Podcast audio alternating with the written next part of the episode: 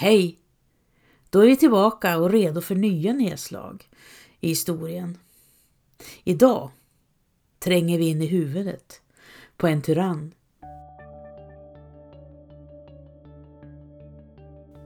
Unge Kristian, kung Hans äldste son, är intelligent sägs det. Intelligent, men våldsam. Han visar prov på politisk skicklighet, men tidigt uppfattas också det intensiva och bullriga i hans strävanden. 1506, vid 25, utnämns Kristian till Kalmarunionens ståthållare i Norge och till en början bor han på Akershus utanför Oslo. Efter några månader kommer oroande nyheter från bergen. Det är bråkigt och stökigt och danska köpmän klagar över att det behandlas sämre än Hansans män. Kristian reser dit. Han står konsekvent bakom sin far, kung Hans, linje om en stark Kalmarunion och byter snabbt ut biskopar och andra som förespråkar frihet och norska särintressen mot danska kungatjänare och norska bönders protester dränks i blod.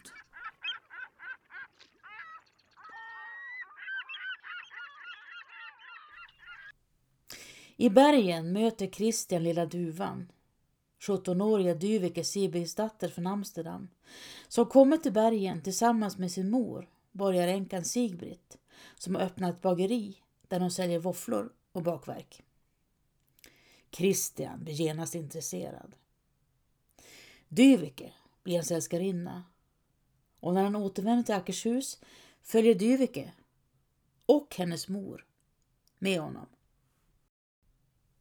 Trion fortsätter sedan till Köpenhamn och Christian köper ett hus åt dem på Amagertorv nära slottet.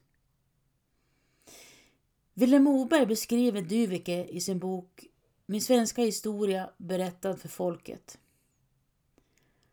Hon var mycket smock och ägde osedvanliga kvinnliga behag. Hon var en underbart vacker flicka. Välväxt, slank, smäcker som ett rö med fina anletsdrag och ett milt uttryck. Hon var blyg och saktmodig och hennes rörelser och hela hennes väsen präglades av ett utomordentligt behag. Tror du inte att Moberg fantiserar nu? säger Sancho Panza. Tyst Sancho, svarar Don Quixote. Enligt Vilhelm Moberg gick Dyveke till sängs med Kristian, som var Sigbrids lydiga dotter. Men efterhand djupnade hennes känslor. Och hur visste Vilhelm Moberg det? Don Q frågar Sancho Panza. Svara mig. Ja, det kan man undra, säger Don Quixote.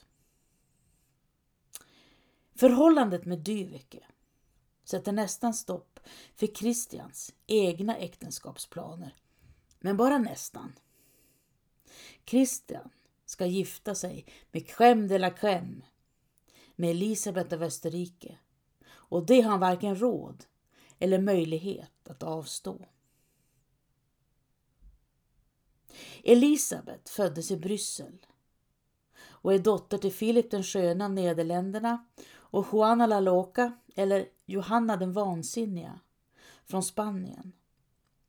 Morföräldrarna är radarparet Ferdinand och Isabella och farföräldrarna kejsar Maximilian och Maria av Burgund. Elisabet och hennes fem syskon betraktas som Europas ädlaste barn och för Kristian är det en stor ära att gifta in sig i Europas mäktigaste furstehus. Det ger både honom och Danmark anseende, makt och glans.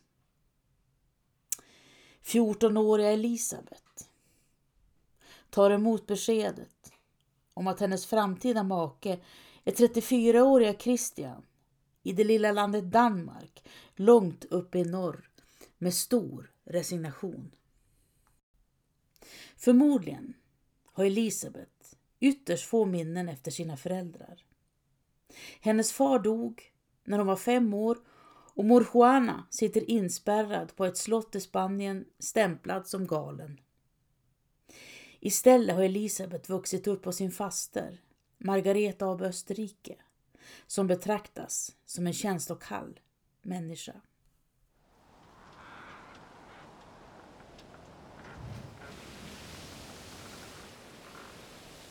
Under sjöresan mot Danmark blåser det upp till en kraftig storm och Elisabet blir svårt sjösjuk. När skeppet passerar Jylland ber och bönar hon att få stiga av men nekas bryskt och blir inte avsläppt förrän uppe i Helsingör. Efter några dagars återhämtning står bröllopet och sedan återstår bara, ja, fullbordan och som bevis och konsekvens, just det, några barn. Christian har inga barn med Dyveke. Och man tar för givet att de använder någon form av preventivmedel. Dyvekes mor Sigbritt är läkekunnig och vet hur man gör, ryktas det. Fast det kan väl ingen säga med säkerhet, utbryter Sancho Panza. Om ingen gömt sig under sängen förstås. Det skulle nog ingen våga, svarar Don Quixote. Elisabeth blir snabbt populär i Danmark och Christian vänder sig till henne i politiska frågor. Hon är oväntat insatt och kunnig trots sin låga ålder. Hittills har ingen reagerat särskilt kraftigt på Christians förbindelse med Dyveke. Men nu är han en gift man och situationen förändrad. Elisabeths släktingar nere på kontinenten kräver ett slut på förhållandet men så långt är inte Christian beredd att gå. Elisabet tar samtidigt Dyvekes existens med ro. Kanske har hon inte förväntat sig någonting annat. Och Christians förehavanden intresserar henne kanske mindre än vad samtiden och eftervärlden vill tro. Och vad menar du med det, Don Q? Frågar Sancho Panza. Tja, det är i alla fall möjligt. Som vanligt. Vi vet ingenting med säkerhet.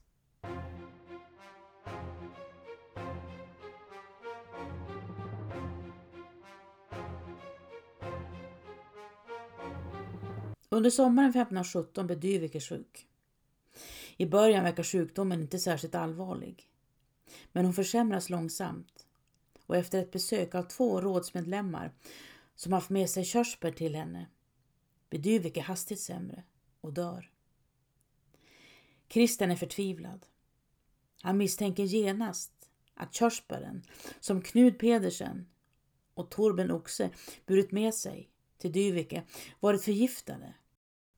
Och i slutändan utpekas Torben Oxe som skyldig till Dyvikes död och avrättas.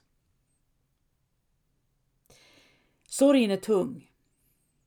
Men Christian vänder sin håg till det politiska livet. Han har stora planer på ett nytt nordiskt handelskompani med Köpenhamn som Europas främsta stapelstad. Hansans dominans ska brytas och Sverige måste bli kvar inom Kalmarunionen. Utan inkomsterna från de svenska gruvorna går inte planerna på ett nytt nordiskt handelskompani att förverkliga. 1512 valdes Sten Svantesson Sture till ny riksföreståndare i Sverige. Egentligen heter han Natt och dag, eller Krut och rök, men kallar sig Sture för att klargöra sin politiska tillhörighet. På den punkten är han mycket tydlig. Han vill bryta med Kalmarunionen och skapa ett svenskt självständigt rike. I augusti 1517 landstiger danska trupper i Sverige och ett år senare vinner svenskarna en sammandrabbning vid Brännkyrka som följs av gnissel och belägringar. Vid nyåret 1520 rör sig danska trupper upp genom Halland med sikte på Västergötland. Danskarnas intention är att eliminera den svenska armén som till stor del består av bönder och sedan sätta in stöten mot Stockholm. Den 19 januari ställer svenskarna upp med 10 000 man vid norra stranden av sjön Åsunden utanför dagens Ulricehamn. Danskarna visar sig snabbt vara överlägsna i både taktik och utförande. Deras små kanoner, som är ett främmande begrepp i Sverige, slår genast till hårt. Och redan tidigt i slaget träffas riksföreståndaren Sten Sture av en kanonkula i ena knät. Förvirring uppstår och svenskarna flyr. Utan Sten Stures ledning bryter det svenska försvaret samman. Sten Stures knä är krossat och han förs i släde till Strängnäs. Under den fortsatta resan mot Stockholm försämras tillståndet och han avlider ut på Mälarens is den 3 februari. Danskarna forcerar fram mot Stockholm. Sten Stures änka, Kristina Gyllenstierna, stå beredd att försvara staden. Men hon lyckas inte få gehör för majoriteten av adeln. Somliga sade sig vilja strida för herr Stens barn, men en part sa kort nej. Den 6 mars hyllar delar av adeln och riksrådet Kristian II som Sveriges kung.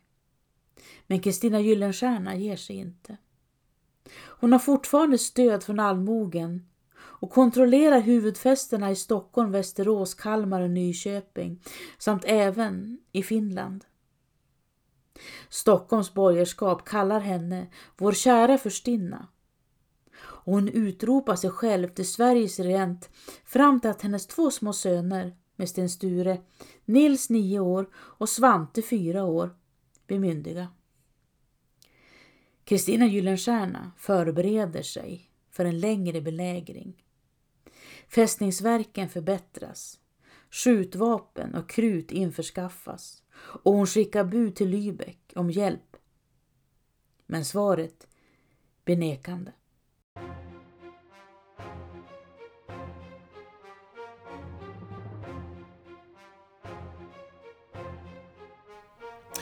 Belägringen av Stockholm blir allt svårare för de som befinner sig innanför murarna. Kristina har flera små barn som är med henne och till slut övertalas hon att ge upp mot löften om amnesti och försäkringar om att hon får behålla sina gods i Sverige och i Finland. Den 5 september utfärdar Kristian en allmän amnesti till alla Sten Stures anhängare och två dagar senare rider han in i Stockholm. Kristian bjuder in till kröningsfest i försoningens tecken på slottet Tre Kronor den 4 november.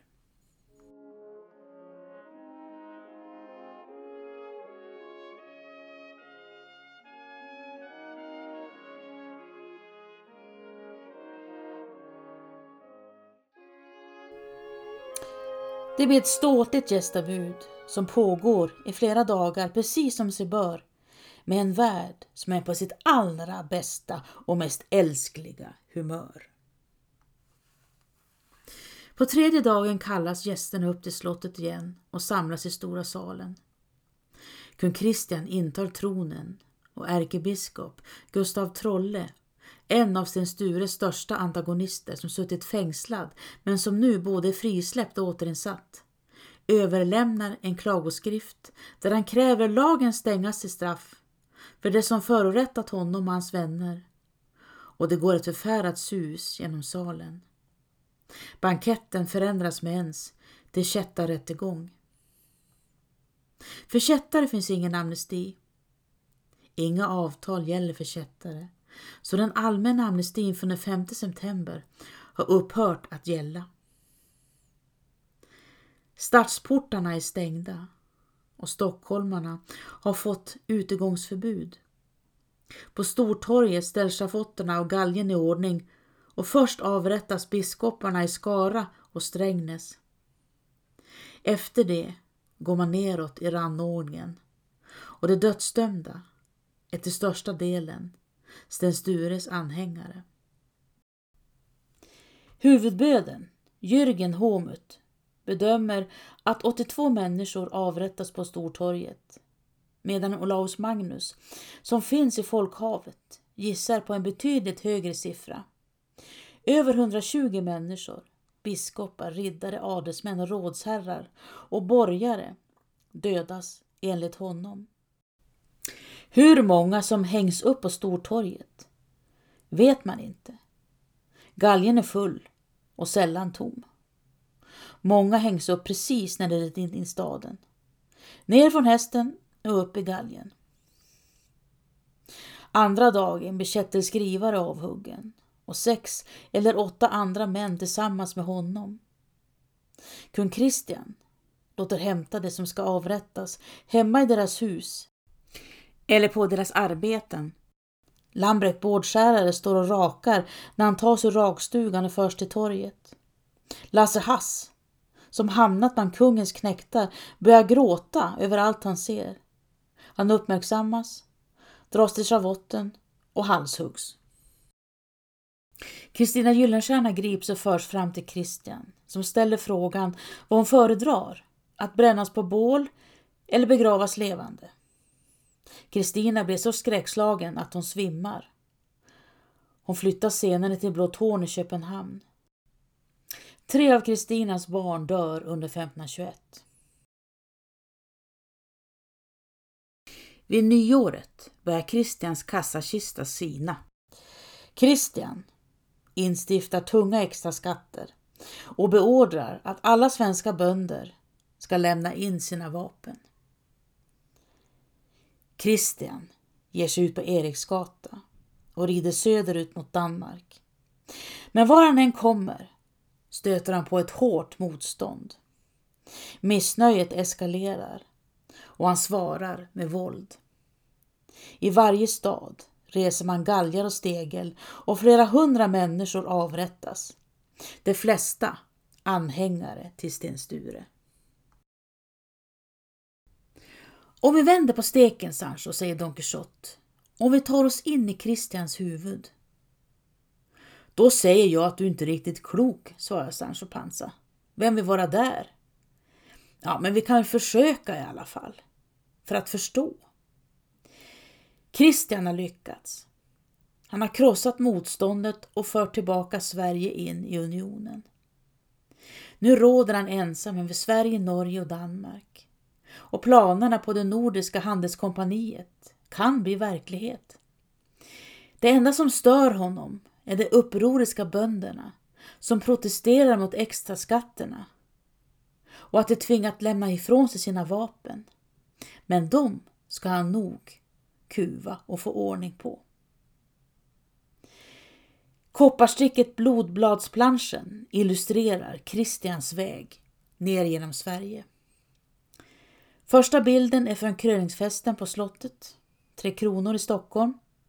Andra bilden föreställer Kristian och Gustav Trolle, förmodligen strax innan Trolle läser upp kättaranklagelserna. Tredje bilden från avrättningarna på Stortorget alldeles i början när en biskop halshuggs med svärd.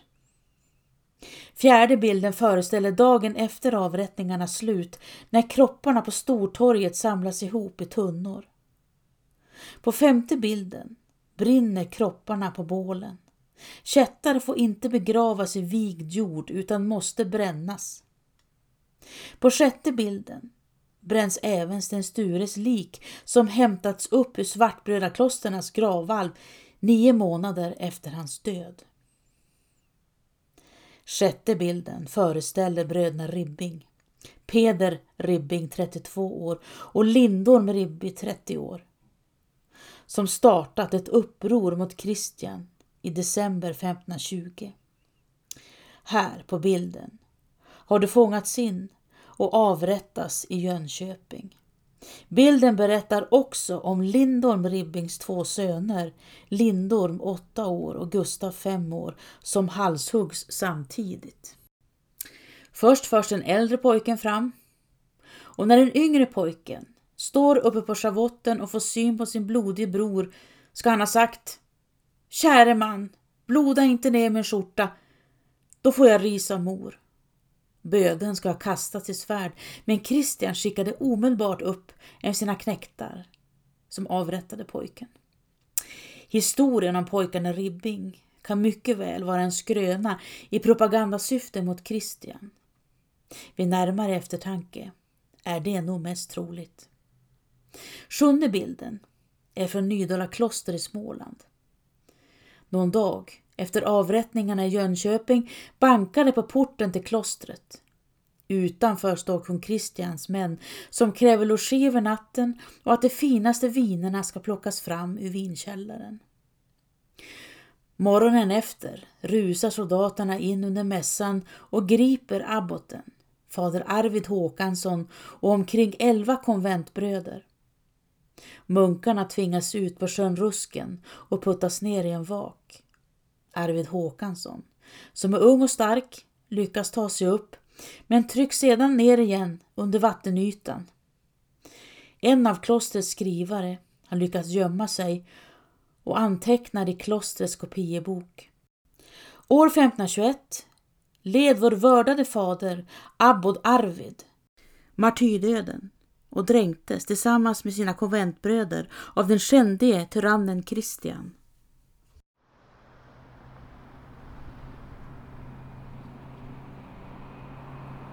Don Quijote och Sancho Panza reser genom Småland på slingriga vägar. Det är mars månad och naturen är föga prunkande. Backarna går upp och ner. Det passerar små samhällen och till slut säger Sancho Panza Är du säker på att du har rätt adress? Ja, visst, svarar Don Quijote, bara några krökar till tror jag. Och efter några kurvor står klosterkyrkan som uppstigen ur jorden framför dem, ensam, mörk och mystisk. Kommer du ihåg Sancho, säger Don Quixote, vi stod nere vid rusken och en vind rynkade vattenytan i jättesmå veck. Ja, det blåste den dagen minns jag, svarar Sancho Panza. Sedan gick vi bort till Nydala herrgård och drack kaffe och åt en biskvi. Ja, det stämmer. Men gick vi? Tog vi inte bilen? Det har jag ingen minne av. Christian, Den Christian. Tja, Christian gjorde som Birger Jarl före honom och som Karl Knutsson bonde. Han eliminerar sina fiender. Det börjar bli en ganska beprövad metod vid det här laget. Inte sant, svarar Sancho Panza.